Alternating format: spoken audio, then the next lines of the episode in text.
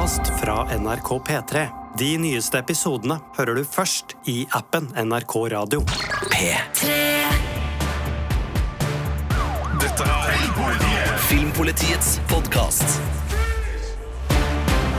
Velkommen til Filmpolitiet med Sigurd Vik og Ingvild Dybfest Dahl. Den 5. juni er det norgespremiere på serien The Idol på strømmetjenesten HBO Max. En serie hvor artisten Abel Tess Faye, også kjent som The Weeknd, er både serieskaper, produsent og hovedrolleinnehaver. Og det at en kjent musikkartist går til filmen eller TV-serien, er jo slett ikke uvanlig. Det har Elvis, Jennifer Lopez, Ice Cube, Ice-T, Beyoncé, David Bowie og en drøss med andre også gjort. Og det betyr jo at det finnes mange kule filmer og serier med artister i sentrale roller, som vi kan anbefale dere å sjekke ut. Men før vi går til de tipsene, Ingvild, hva var dine første minner av artister som også da ble skuespiller?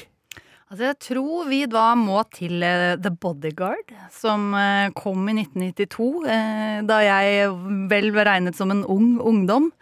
Eh, da ble jeg ekstremt fascinert av Whitney Houston, som fikk lov å spille hovedrollen som riktignok eh, en artist som noen kanskje vil hevde minnet om henne selv, men det var i hvert fall en veldig primadonna-artist som måtte ha hjelp av Kevin Costner som eh, livvakt.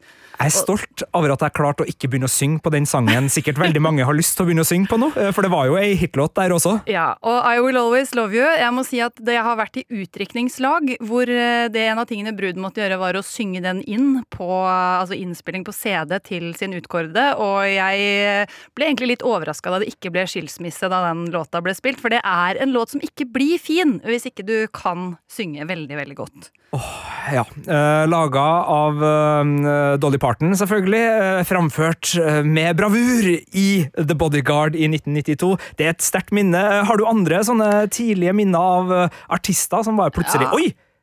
På TV eller film? Uh, ei annen som var eh, begynt å bli veldig up and coming på 90-tallet, var jo Lauren Hill.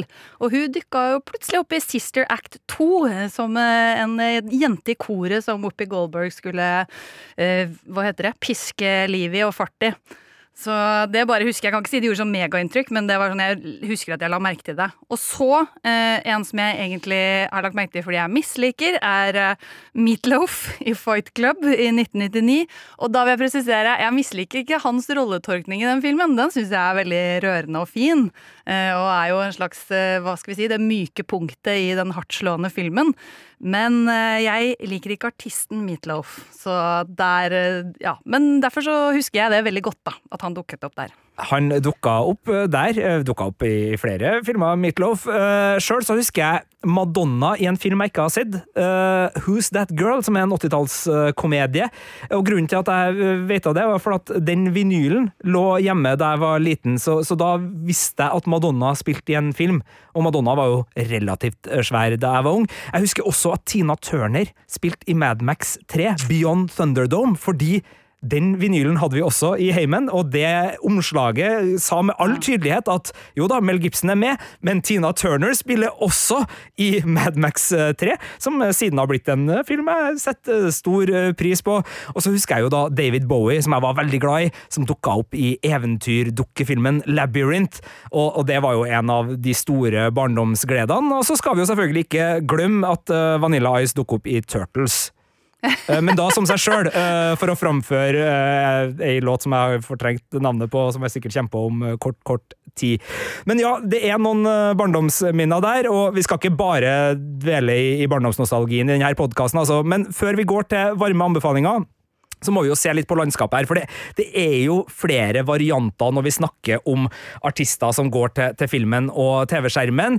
Du har jo selvfølgelig den mest opplagte, og det er jo den der spille seg sjøl, som Vanilla Ice gjorde, og der er det jo også andre som uh, dukker opp i, i filmer og serier som seg sjøl. Har du noen uh, favoritter der, Ingvild? Uh, en jeg kommer på, er jo da en av mine favorittfilmer fra 90-tallet. eh, The Wedding Singer med Adam Sandler og Drew Barrymore. Der eh, dukker nemlig Billy Idol opp, og han eh, spiller jo også en låt, eller de har en av hans låter som går gjennom den filmen, eh, og som jeg jo selvfølgelig også kjøpte soundtrack av. Er det White Wedding? Yes. Ja Eh, Jeg syns jo eh, en film som heter Old School, med Will Ferrell og en eh, bråte andre kule komikere, er fantastisk. Og mye av det er jo fordi Snoop Dogg dukker opp i en liten live performance. De har da uh, leid seg et sånt fret house. De er en, det er Vince Vaughn og, og Uh, Owen Wilson er det vel som spiller to karer som egentlig er ferdig på, på college, men som uh, ender opp i et hus som er på college-eiendommen, og de begynner å ha fester. Der dukker Frank the Tank, spilt av Will Ferrell, opp, og Going streaking! I'm going streaking! Uh, sier han mens han springer naken gjennom college-landskapet. Det er en fin Will Ferrell-scene. og så er det da en konsert, en hagekonsert med, med Snoop, som er veldig, veldig sløy og fin, som gjør at det er et minneverdig syn. Jeg syns også Ed Sheeran gjør en ålreit og god versjon av seg sjøl i Yesterday, i en sånn slags song, uh, altså sangkonkurransegreia. fordi Yesterday handler jo da om en, en fyr som lever i en verden hvor alle Beatles-sangene plutselig ikke er er oppdaga, og det er bare han som kan dem, så han blir jo raskt verdensstjerne av å kunne alle Beatles-sangene. Til frustrasjon for Ed Sheeran, blant annet. Så, så der syns jeg Ed er god. Vi skal komme tilbake til Ed på neste runde, hvor jeg ikke er like fornøyd med Ed Sheeran. Og så syns jeg jo Tom Jones i Mars Attacks er en fantastisk spille seg sjæl-runde, hvor han eh, i en film eh, fra Tim Burton som handler om en rominvasjon av illsinte marsboere, eh, prøver å underholde og flykte og redde verden. Så It's not unusual. It's not unusual. Jeg husker også et øyeblikk som står igjen som en sånn lite sånn skrekkende eksempel. Det var Macy Gray som dukka opp i comeback til Fuller House, altså ny rebooten av Full House-serien. Under Og- samme tak, heter det ikke den? Jo, Under samme tak het den sitcomen på, på norsk. Hadde Olsen-tvillingene eh, Ashley og Mary-Kate eh, som delt på, på den ene barnehovedrollen. Eh, jeg, jeg jeg husker jeg anmeldte den serien da den kom til terningkast 2 i 2016, og, og måtte bare ta et lite sånn Google-søk. Sånn, den Macy Gray-greia der var litt rar, var ikke det? Puncha inn det i eh, en søkemotor på, på det store internett, og fikk tilbake Is Macy Gray in Fuller House the most awkward moment of 2016? Så det var tydeligvis ikke bare jeg som syntes det var litt rart at Macy Gray dukka opp eh, der.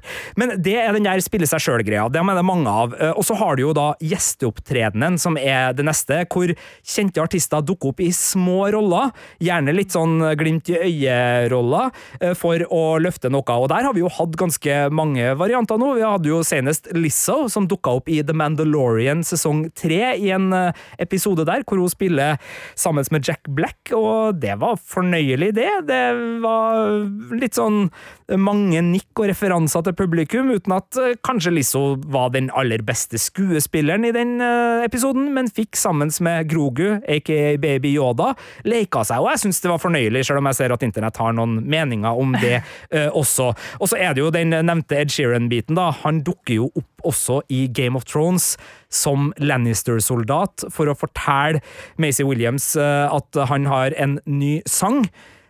Og faste lyttere av Filmpolitiet vet hvor mye jeg misliker den rollen, fordi den bryter fiksjonsuniverset sammen. Altså, han knøvler det fiksjonsuniverset idet han spiller en soldat, men den soldaten er, Er ikke en soldat Ja, ikke sant? Altså, den soldaten er ikke en soldat i Game of Thrones-universet.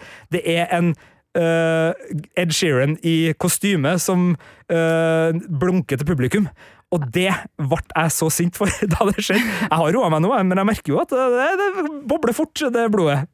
Jeg tror jo også Altså, jeg er enig med deg på den der, altså. Men uh, andre gjesteopptredener som jeg, som jeg mener faller inn under den, er jo eksempel Taylor Swift i New Girl, som spiste, spilte en eh, og Britney Spears spilte Abby, resepsjonist i uh, How, I, Met Your Mother. Og den rollen er ikke så verst, altså. Den liker jeg godt. Hun er med i flere episoder. Ja, Men eh, New Girl har jo flere. Uh, Katy Perry var vel innom der. Jeg Skal ikke jeg begynne å blande, men det er jo veldig mange i den kategorien som er innom en serie. Ja, det, det, det er definitivt TV-serien har veldig mye der. Og så glemte jeg jo da oh, på Ja. Sorry. Uh, Justin Bieber skal angivelig ha spilt, jeg har ikke sett, en seriebomber eh, på CSI. Det kjente jeg at jeg hadde lyst til å se, i hvert fall. Oh, men jeg har jo eh, fordi eh, eh, man har lite å gjøre. Jeg har sett det meste av CSI, men jeg har ikke registrert eh, Justin Bieber i en episode der. Hmm. Jeg kom forresten også på Alice Cooper i Waynes World, for dem som ønsker Ja. gamle filmreferanser, eh, hvor eh, hovedpersonene er på Alice Cooper-konsert. Eh, David Bowie spiller vel også konsert i eh, en eh, tysk 80-tallsfilm som fikk en remake på Viaplay, med en serie nå som jeg ikke husker navnet på akkurat nå, men der er store deler av handlinga også at de er på en David Bowie-konsert i Berlin på 80-tallet.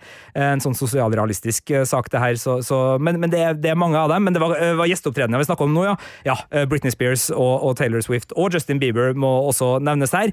Men, men det som kanskje er det som nærmer seg det vi skal snakke mer om nå, er jo når de spiller store, viktige roller i filmer og serier. Det er jo det som er liksom Det er jo det vi antar at skal skje nå i The Idol, i og med at The Weeknd da skal ha den ene hovedrollen der. Og det er jo det som ofte begeistrer når vi ser liksom artister vi er glad i, også kommer og lager filmer og serier vi er glad i. Og Ferske eksempler der er jo Jack Harlow, som spiller i den nye White Man Can't Jump-filmen. Og da sier jeg nye, fordi det finnes jo en versjon med Woody Harrelson og Wesley Snipes fra 90-tallet, men den er det laga remake av.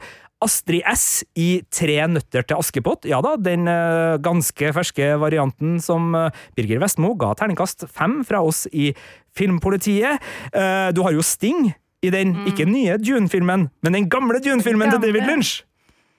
Den er det ikke så mange som ser, men den nye Dune-filmen er veldig bra. Men jeg tror også Mick Jagger var tiltenkt å spille i den Dune-filmatiseringa som det ikke ble noe av, altså Jodorowskis Dune. Der tror jeg Mick Jagger skulle ha en sentral rolle. Men uh, David Lynch fikk altså med seg Sting uh, fra The Police og sin egen solokarriere uh, der. Og så er det jo i en serie som jeg er veldig glad i nå, som Morten Tuldum har regi på, som rusler og går på Apple TV Pluss, nemlig Silo, en postapokalyptisk sci-fi. Der er jo rapperen Common med. Han spiller jo også i Hell on Wheels og har jo flere andre gode roller. Ja, og så må vi jo ikke glemme Lady Gaga i den nyeste av sånn ca. 500 nyinnspillinger av A Star Is Born. Og Lady Gaga var jo med i 2018-varianten. Eh, Og jeg syns hun gjorde en veldig bra innsats der, altså.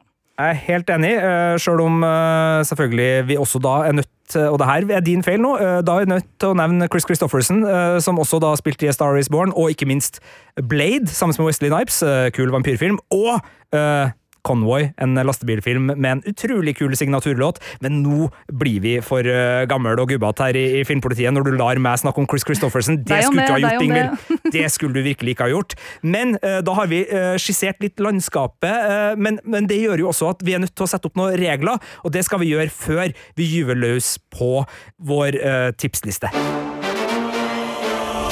Filmer og serier hvor artister som har blitt skuespillere, gjør at eh, filmene og seriene er gode. Det er det vi skal snakke om nå. Men før vi setter i gang med tre tips hver, som er det vi har tenkt å komme med, så uh, må vi jo Og du skal selvfølgelig også få vite hvor du kan se dem, sånn at det her er tips du kan uh, nyte uh, utover uken. Men før vi setter i gang, vi, vi må sette opp litt regler for hva som er lov og ikke når vi skal gå gjennom dem her. Fordi altså, folk spiller jo seg sjøl, folk er innom på cameos, folk har eh, roller i noen episoder på rappen, folk har hovedroller. Altså, hva tenker du er reglene for hva vi skal gå for når vi velger ut uh, disse tipsene våre, Ingvild? Jeg syns vi må holde oss til uh, viktige roller, og da mener jeg både hovedroller og det vi da, eh, rent subjektivt i Filmpolitiet, mener er viktige biroller. Ok, Så du har en uh, film eller serie som er litt på kanten her, men du velger da å si det her nå, sånn at du skal ha dekning for å ha valgt den her uh, som du subjektivt mener er en viktig rolle i en film eller serie? Det er helt riktig. Ja, ja veldig bra. De kan ikke spille seg sjøl, men de kan spille rollefigurer som kanskje ligger opp til deres egen uh, artistpersonlighet, eller? Det syns jeg må være lov, fordi det er jo gjerne ofte derfor de blir kasta. Ja. Så det har vært urettferdig å bruke det mot dem. Det er veldig fint. Og det må ikke være den ene hovedrollen, men det kan være blant eh, et større, viktig rollegalleri, har vi sagt. Eh, Og det må da selvfølgelig være mer enn bare en, en gjesteopptreden, da, for, for cameo, det, det, det holder ikke her. Men da har vi jo noen eh, sett med regler. Ah, ah, ah, en viktig ting til. Okay. Jeg syns de må være kjent som artister før, eh, og etablert som artister før de dukker opp i TV og film. Det har du selvfølgelig rett i, fordi vet du hva? Jeg hadde en TV-serie som jeg var så fornøyd med, som jeg skulle ha med på den lista her nå, og jeg satt der og bare tenkte den er bankers, den skal rett inn. Men den kunne ikke være med, nettopp fordi det her, og det er Disney sin feil, Disney Channel sin feil, for Selena Gomez spiller i den nydelige uh, krimserien Only Murders in the Building. Ja, ja.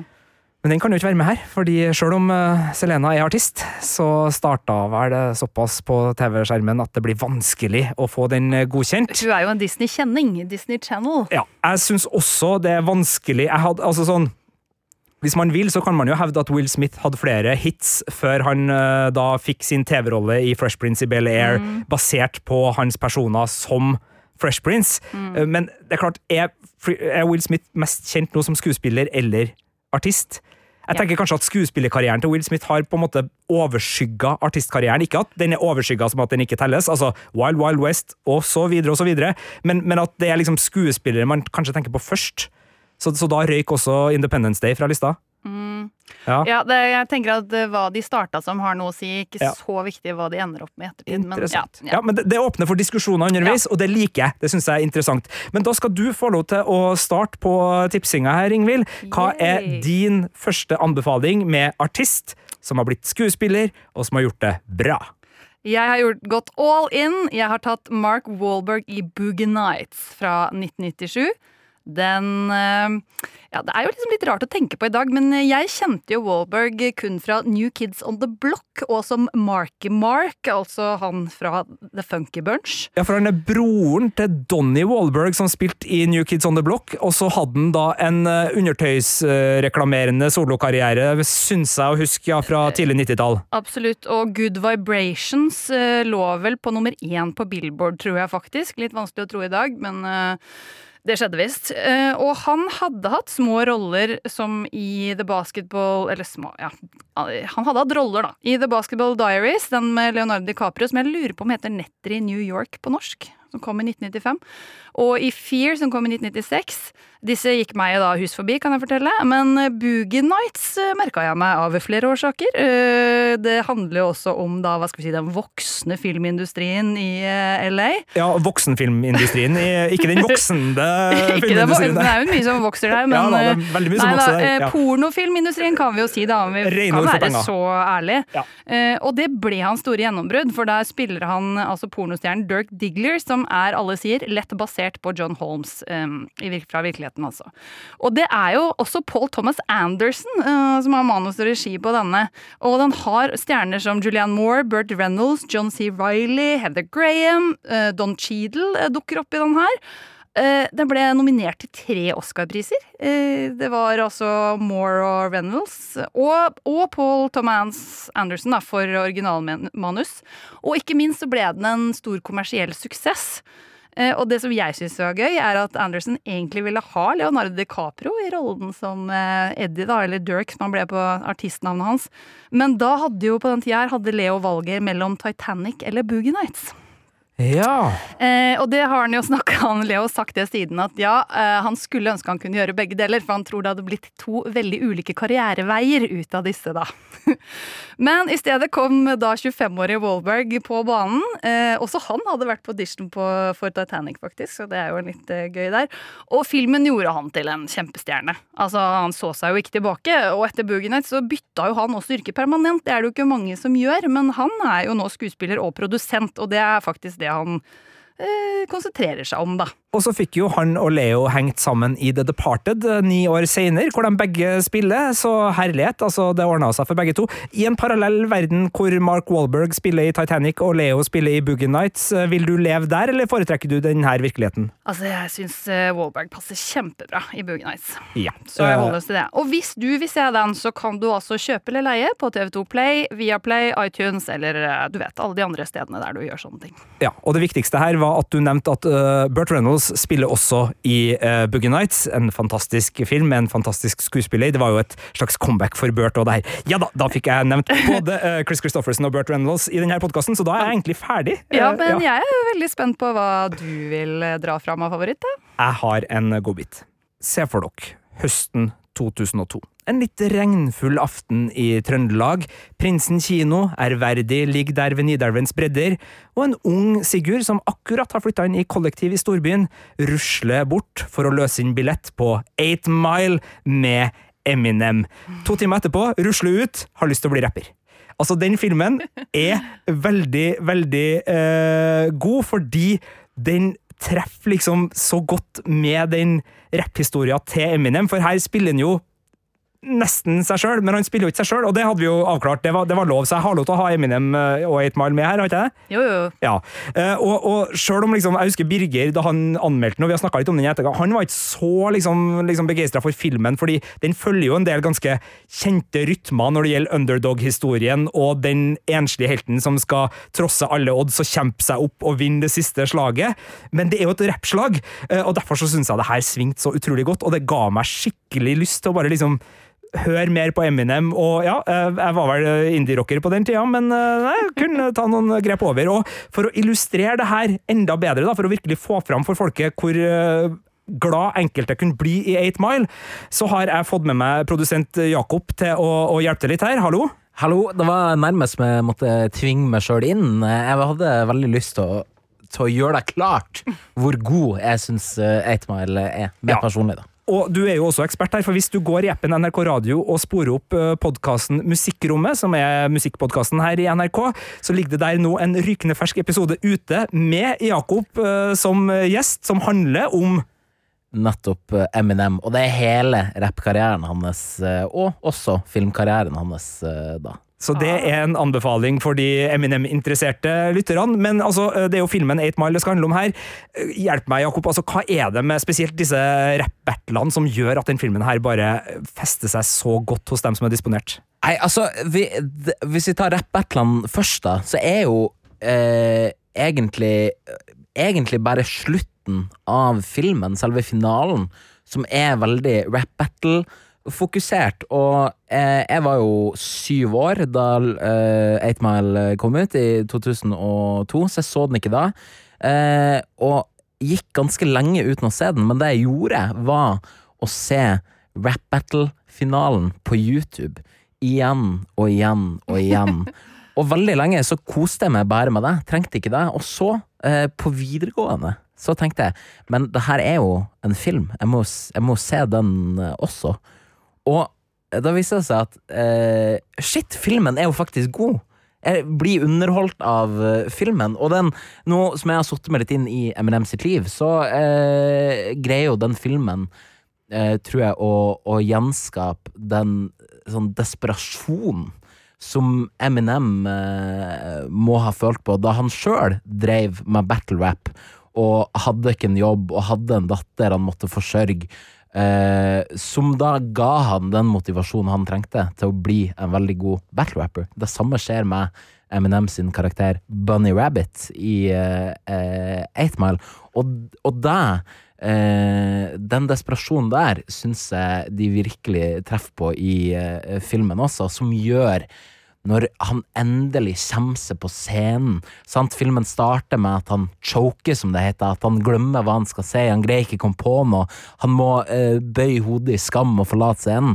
Og så da, gjennom bare halvannen time med desperasjon, og han blir banka opp Sosial Sosialrealisme av den grå Sosialrealisme! sorten. Ja, ja, 100 Og når han da kommer seg på scenen og gjennom tre rap battles bare dunker ned motstander etter motstander, og virkelig får eh, sin comeuppance, sin belønning, ved å eh, vinne eh, den der rap battlen. Det bare treffer så mye hardere, og eh, viser jo også at eh, faen, Eminem, eh, han kan rappe, ass. Han har jo én mulighet. Han har bare én mulighet! Han har bare, og han må ta den! Du må ta den! Og det var vel også en uh, Oscar-vinnerlåt, hvis jeg husker riktig. Det er helt riktig. Best som, eh, originalsang, og ja. Eminem er jo den første rapperen til å vinne en Oscar. Fytti rakkeren. Altså, jeg jukser jo nå med å dra inn storskytse for å rettferdiggjøre mitt valg av 8 Mile her, hører du, Ingvild, men eh, jeg syns produsent eh, Jakob forklarte det jeg føler på ypperlig vis. Bare spør deg, eh, Jakob. eh, Anthony Mackie, som da eh, ikke er helten i 8 Mile, har jo senere blitt helten gjennom veldig mange Marvel-filmer, hvor han har hengt med Captain America og, skal jo også ut på, nye eventyr der. Har det liksom, hans rolle i 8 Mile gjort det litt problematisk for deg å liksom heie på han som helt, i og med at han så til de grader ikke er helten? Eh, Det har gått veldig bra, egentlig. Jeg, Det har det, ja. jeg har ikke tenkt over det før nå, men jeg greier å skille de ganske greit, egentlig. Selv om man er jævlig i 8 Mile. Ok, Pitch nå til, til dere som hører på som jobber i TV-bransjen, eventuelt til deg, produsent Jakob, hvis du har lyst til å skrive manus. Kobra eh, Kai har jo tatt Karate Kid og, og snudd den på hodet og laga en TV-serie med de rollefigurene i voksen alder, hvor de ikke er helt og skurk sånn som de var i den originale, men du får nyansene, og du får liksom lyst til å heie på Johnny Lawrence, som da var han som får juling i den første Karate Kid-filmen helt til slutt. Eh, kanskje 8 Mile må få seg sin serie hvor Anthony Mackies rollefigur og eh, Bunny Rabbit eh, i voksen alder driver hvert sitt eh, musikkstudio eller produsentstudio og må liksom forholde seg til at den gamle beefen ligger og murrer, og så er det liksom hvordan det påvirker deres voksne liv. Er vi inne på noe her? Ja, kanskje de begge er nominert i samme Grammy-kategori eller et eller annet, som voksen? Beef, beef, Beef, beef, beef. Få det på. Helt apropos uh, beef, som er bare, som produsent av Filmpolitiets podkast, som jeg bare skyter inn helt på tampen her at uh, det hørtes ut i forrige uh, runde, da uh, Ingvild anbefalte Boogie Nights, så hørtes ut som at du trodde at Mark Wahlberg, eh, Sigurd aka Marky Mark, ikke var medlem av New Kids On The Block, men bare lillebroren til Donny, som faktisk var medlem. Jeg, jeg husker uh, avisartikler hvor det sto uh, Marky Mark er broren til Donny fra New Kids on the Block, ja. Ja, for der må- må jeg arrestere det litt. Uh, Mark Wahlberg var medlem av New Kids On The Block en kort periode, noen måneder, i årsskiftet 84-85. uh, men han var medlem. Takk til produsent Jakob, som ikke lenger har Nei da. eh, veldig bra, du passer på. Eh, det der er nydelig. Eh, og eh, til dere som hører flere feil, dere skulle vel ønske at eh, mikrofonen til produsent Jakob sto på alltid i Filmpolitiet, eh, men sånn er det ikke. Men orsak for feil, og beklager, Ingvild, det var ikke meninga å Altså, her kommer jo du med, med gode musikkminner, og så blåses de bort av meg. Jeg bare husker de toppbladene som jeg kjøpte av og til, og, og der var det veldig mye om Marky Mark, og jeg husker bare at han var broren til Donny. Men eh, ok, Marky Mark i New Kids on the Block, beklager at jeg uh, feide bort den eh, verdifulle innsikten i hans artistkarriere. Da, Ingvild, er det din tur. Du skal få ta et uh, nytt tips. Ja, og før vi kommer til meg, for de som er interessert i å se 8 Mile, så kan vi opplyse om at den eh, ligger på Netflix, så da er det bare å gå dit. Uh, ja, programlederen ber nok en gang om beklagelse for middelmådig, eller dårlig, rett og slett, programledelse, men det har du helt rett i. 8 Mile ligger på Netflix. Men da er det klart for nytt tips fra deg, Ingvild. ja, og det føles veldig deilig å komme det nå etter at dere har vært sånn kjempedypt og ekspertfullt nede i materien. Og Jeg skal bare velge en som jeg syns er litt gøy, jeg, da. Jeg har nemlig valgt Aquafina i Crazy Rich Asians, som kom i 2018. Eh, Og det er jo en såkalt kulturkrasj-romkom, og den fikk terningkast fem av Filmpolitiet, så Det jeg, det er helt innafor å velge denne filmen. Og der ble også Altså, eh, så vidt jeg husker premisset, da, så er dette to folk som forelsker seg i New York. Og så viser det at eller, viser seg, han er fra Singapore, så hun må reise dit for å møte hele slekta i forbindelse med bryllupet. Og så viser det at dette er liksom en av de eldste, mest tradisjonsrike familiene i Singapore, sånn at det blir eh, masse problemer der da med hvordan hun skal leve opp til de kravene som eh, en, eh, en New York-jente i våre dager. Og det jeg syns, eller en av de viktige tingene som Crazy Rich Asians gjorde, eh, film av John M. Shu, det var jo det å vise at eh, filmer med asiatisk representasjon også kan bli gode kommersielle suksesser i Hollywood. Det var viktig, og en skulle jo tro at man var kommet lenger i 2018. Eh, det hadde vi ikke. Eh, så derfor ble det trukket fram som et eksempel, og som åpnet dørene på for f.eks. suksessen Beef, som, eh, som nå ligger på Netflix, som vi har prata om tidligere i Filmpolitiet. Men Aquafinas rolle da ble jo trukket fram i Filmpolitiets anmeldelse på den tida, hvor det sto at hun er helt fantastisk som Rachels tidligere studievenninne, den rike, energiske og veldig kule Pei Kling-go. Hun er filmens beste komiske talent og stjeler hver scene hun er med i, sto det altså der. Det er Marte Hedenstads eh, ord, og dem er lov her i Filmpolitiet. Selvfølgelig. Og så må jeg også si Aquafina sneik seg jo inn i en film jeg har anmeldt eh, nylig, nemlig den nye live action-versjonen av Den lille havfruen. Eh, og hun er god der òg, så jeg tror kanskje hennes spesialitet er sånne små, morsomme biroller, da. Det er et godt tips. Og hvor kan man se Crazy Rich Asians hvis man vil? Den ligger både på HBO Max, Stream og Viaplay, og så kan du helt sikkert også leie og kjøpe den andre steder.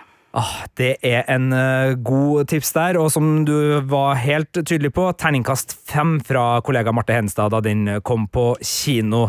Eh, jeg skal over til en film som vant Amanda for beste utenlandske film i 1986 eller 87, litt usikker på det, eh, og til en regissør som er veldig flink til å bruke artister. Altså Jim Jarmers sin Down by Law er det snakk om, hvor Tom Waits, ja da, den gode, rustne herren Tom Waits, spiller en av hovedrollene. Og Jim Jarmers, jeg må bare nevne det litt sånn kjapt først, altså han har brukt en del uh, artister i sine filmer opp igjennom. Altså i hans uh, film Midnight Trade, så, Train så er Joe Strummer, altså vokalisten fra The Clash, en av hovedpersonene.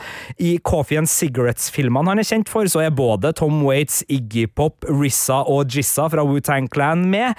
Og han har liksom en sånn en evne til å, å tilknytte seg musikere, gjerne litt sånn med en sånn New York-vib, i mange av hans filmer. Men den beste av dem, og den beste rollen, er da Tom Waits, som blir arrestert uh, feilaktig sammen med en kompis i starten av Down by Law, og så blir de plassert på ei celle sammen med en kar som snakker litt dårlig engelsk, som spilles av Roberto Bengini. Eh, og de tre eh, har da lyst til å flykte fra fengselet, for de skal jo egentlig ikke være her. Dette fengselet ligger i Louisiana, New Orleans-området, så det er en del sump eh, rundt omkring, så det blir en vandring i litt sånn guffent terreng da, etter hvert som, ja, spoiler, de kommer seg ut av fengselet. Det er en komedie som ikke er en komedie, som mange av Jim Jarmers sine filmer. Det er en underfundig film. Det er en rar sak som har mange sånne sløye, rare situasjoner som er eh, i, i spennet hvor folk ikke kommuniserer så godt. Både fordi at de ikke snakker samme språk, men kanskje fordi at de ikke liksom er helt på linje. Og Jim Jarmers er en mester i å fange de øyeblikkene og bare studere hvordan vi mennesker oppfører oss idet vi er litt sånn på gyngende grunn i kommunikasjon med hverandre. Og Down by Law er full av sånne øyeblikk. Den er også full av nydelige øyeblikk, som en fantastisk variant eller framføring av I scream, you scream, we all scream for ice cream, som foregår inne i denne fengselscella. Og det er et soundtrack, selvfølgelig, hvor Tom Waits er sentral. Det er vel fra Rain Dogs-perioden til Tom Waits, for dem som er glad i den musikeren og kjenner katalogen godt, med A Jockey Full of Bourbon, som åpner hele filmen på fantastisk vis. Og den er kul. Fytti rakkeren, John Laurie, Tom Waits og Roberto er kul i den filmen her. Og Roberto, for dem som ikke vet det, han er også skuespilleren som da laga Livet er herlig, en av de beste, artigste og mest såre krigsfilmene som fins. En italiensk skuespiller som også spiller i A Night on Earth, sammen med Venona Ryder fra Jim Jarmers sin eh, penn, hvor han spiller en taxisjåfør i Roma som har noen rare, rare uh, Ja, nå snakker jeg meg bort, men Robbie Mullers fantastiske, sakte kameraarbeid, Jim Jarmers stil, det her er sort-hvitt, det her er kult. Du må på Mubi strømmetjenesten Mubi Eh. for å få sett Down by Law nå. Er det norsk? Ja, den er norsk, og der ligger Down by Law. Den ligger ikke hos noen andre og er litt vanskelig å få leid og kjøpt, men hvis du har muligheten, så er det en Criterion Collection-utgave som er veldig snasen for dem som er glad i fysisk format. Men Mubi kan du altså strømme Down by Law på. En av mine absolutt favorittfilmer. Altså, det er alltid sånn Når folk spør deg hva er din favorittfilm, så vingler jeg mellom nå eh, Det her har jo endra seg litt opp igjennom, men Down by Law og uh, Cohen-brødrenes uh, The Big Lebowski. De to er liksom ofte de filmene som dukker opp umiddelbart i hodet mitt på favorittfilm. Så uh, jeg kan ikke anbefale Down by Law nok, for å si det pent. Og Tom Waits, en skuespiller som har gjort mye, men han er aller best i Down by Law, som du kan finne på Mubi. Over til deg, Ingvild. Ja, Min siste det blir Harry Styles i Dunkerque fra 2017. Det er altså krigsfilmen fra Christopher Nolan, og det syns jeg var en voldsom opplevelse. Eh, Den følger altså evakueringen av 400 000 britiske soldater fra Frankrike i 1940, og altså det massive kaoset og dramatikken rundt der. Og jeg kan også opplyse om at den òg fikk fem i, av Filmpolitiet, og da av Sigurd, som sitter her. Så da regner jeg med at du også går god for det tipset. Ja, det gjør jeg selvfølgelig, eh, men minn meg på hvem er Harry Styles, og hva skjer i Dunkerque? Ja, nå har jeg jo fortalt deg hva som skjer, men eh, det er, den har også med veteraner som Mark Rylance, Kenneth Branagh og Tom Hardy. Og så har den musikk av Hans Zimmer, som også hever det hele. Og grunnen til at jeg trekker fram Harry Styles her, er fordi jeg ikke husker Harry Styles. eh, som Harry Styles. Jeg syns at det er litt deilig av og til, at du tar inn en stjerne som han, da, eh, som klarer å gli inn i en film uten at du tenker 'Å ja, å ja, og der er han derre One Direction', eller at du unngår det. Det syns jeg er eh, noe i seg selv. Og så har han også noen få replikker i denne filmen som stort sett ikke har spesielt mye dialog. Det er jo veldig mye dundrende lyd og ja, bare dramatikk i bilder her. Så derfor får eh, Harry et pluss i boka for meg for å ha glidd inn i Dunkerque. Ja, jeg husker jo den filmen her som så utrolig god på å skildre kaoset i krig, og hvordan på en måte du kan bruke øh, filmens uttrykksform for å få sånne følelser av øh, hvordan romfølelsen din forsvinner, for eksempel når du blir kasta rundt under vann, eller kasta rundt i lufta, og fysikkens lover blir bare forvirring, for du er liksom ikke i stand til å holde det enkelt og forståelig og greit, og jeg syns Christopher Nolan ofte kan bli litt høy på seg sjøl i øh, måten han blir veldig begeistra for å lage litt for smarte løsninger. Inception er en av dem. Jeg er blant hans aller største fans alltid. Jeg syns det kan bli litt sånn form for formens skyld, men i Dunkerque så syns jeg virkelig han klarer å kombinere både en sober og oppriktig og, og meddrivende krigsfilm som, som virkelig gjør inntrykk, med eh, sin signatur, da, for det er jo selvfølgelig noen elementer i Dunkerque som er veldig nolansk når det gjelder hvordan ting skal flettes sammen og sånn, og helt enig med deg at Harry Styles gjør en, en veldig god innsats der, så det var et meget godt tips, og Ja. det er koselig å bli påminnet eh, terningkast fem han har gitt. eh, Jeg var sikker på at Birger hadde anmeldt den filmen. Jeg hadde ikke eh, lyktes i en quiz om egen anmeldelse der. Men om du som hører på også får lyst til å se denne, så kan du det på både Prime Video, HBO Max og Stream. Det er et eh, kjempetips, og Harry Styles er selvfølgelig også en eh, kjempeartist som vi i P3 er meget glad i. Det gjelder også den eh, siste artisten og den siste filmen ut, selv om det begynner nok å bli ei stund siden artisten var jevnt spilt på norsk radio med ny musikk, men ofte hørt med gamle hits. Jeg snakker da, ja, ikke sant? Jeg snakker da om artisten Bjørk fra Island, som i år 2000 vant pris for beste skuespiller i en film som vant pris for beste film, eller Gullpalme, da, for det her var i Cannes-festivalen. Nemlig Lars von Triers 'Dancer in the Dark', som er en kruttsterk film som er så bra at jeg aldri kommer til å se den igjen. Altså, den er kjempebra. Den er gripende. Det er vel slutten på hans trilogi som heter Golden, Golden Heart-trilogien, med Breaking the Waves og The Idiots, eh, som kom da i forkant. Men det er altså så beinhard sosialrealisme og så trist det som skjer i den filmen, at jeg tror ikke jeg har hjerte til å se den en gang til, samtidig som jeg da anbefaler den til alle som blir nysgjerrig nå, for det er filmkunst på sitt mest vemodig, vakre og triste. Bjørk spiller da uh, Selma, en uh, fabrikkarbeider som er i ferd med å miste synet sitt. Og uh, hun har også en sønn som hun frykter har fått samme sykdom, så hun bruker alle sine penger, putter dem i ei krukke og sparer til en operasjon som skal bedre eh, synet og potensielt redde sitt barn. Eh, hun ser dårligere enn det hun gir inntrykk av, for hun har lært seg en del triks for å skjule sin egen sykdom, så hun beholder jobben ganske lenge på fabrikken, men det begynner å bli vanskelig å skjule hvor vanskelig hun har det, og klart, uten jobben så er eh, katastrofen der.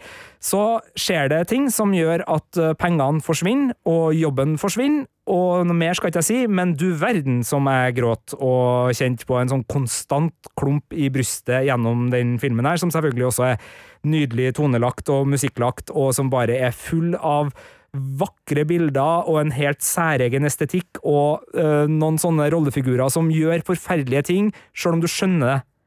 Du skjønner hvorfor de gjør det, så du, du er litt sånn der «Å, Din jævla idiot! Men, jeg, ja, men det hjelper ikke! Jeg, åh. Så det er en, virkelig en, en film som får det til å øh, røske i følelsesmaskineriet. Jeg er glad du minna meg på den. Jeg skrev en oppgave om den en gang for 150 år siden. Men eh, det jeg syns vi er obligatorisk å opplyse om, er at det er jo faktisk en musikal. Bare så Det det. Ja. folk vet det. det, det er veldig viktig å få fram det, at det her er en musikal. Og det er jo snedig hvordan man eh, kan snakke om noe og ikke snakke om noe så innlysende og sentralt. Det er lenge siden jeg har sett den filmen her. Eh, det er det. Og, Du skal mer enn meg. ja, øh, men, men altså, jeg kommer til å se den igjen, fordi jeg, jeg var så glad i den. øh, og jeg tror ved en tilfeldighet så er det vel Robbie Miller som har foto på den her også. Den samme eh, Robbie Miller som hadde foto på Down by Law, så det så jeg først nå. Ah. eh, Da jeg hadde eh, Wikipediaen på Dancer in the Dark oppe, at det er Robbie Miller som, som har cinematografien på den her. Så fytti rakkeren som jeg tydeligvis er veldig glad i Robbie Miller sine artistportretteringer.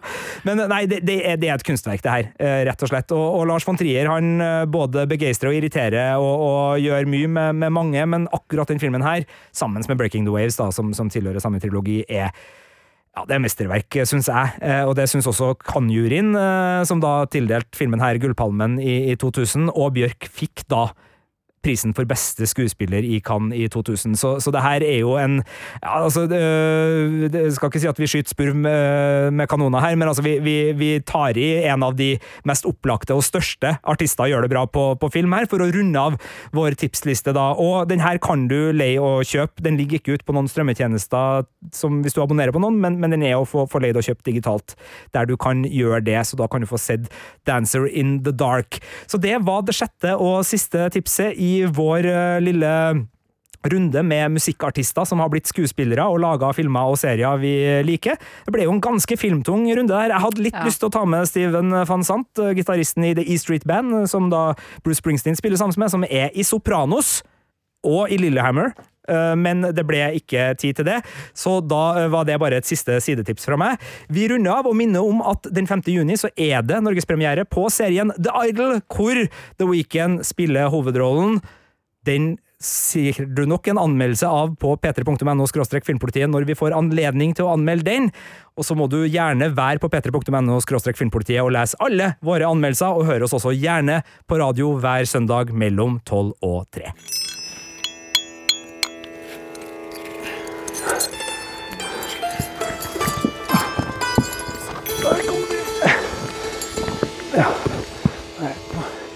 Fire norske klatrere vil skape historie.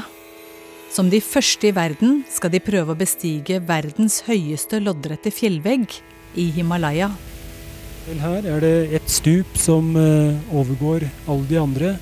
Det er det vi har eh, rett foran oss nå, nemlig østveggen på Trango.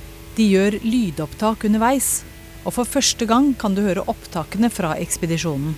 Og eh, det er den veggen vi har tenkt å forsøke å bestige. To av dem kommer helt opp, Da var norskeruta på Trango et fenomen. men på vei ned så forsvinner de ut av syne. Da slår det meg fort og hardt at nå har det skjedd noe.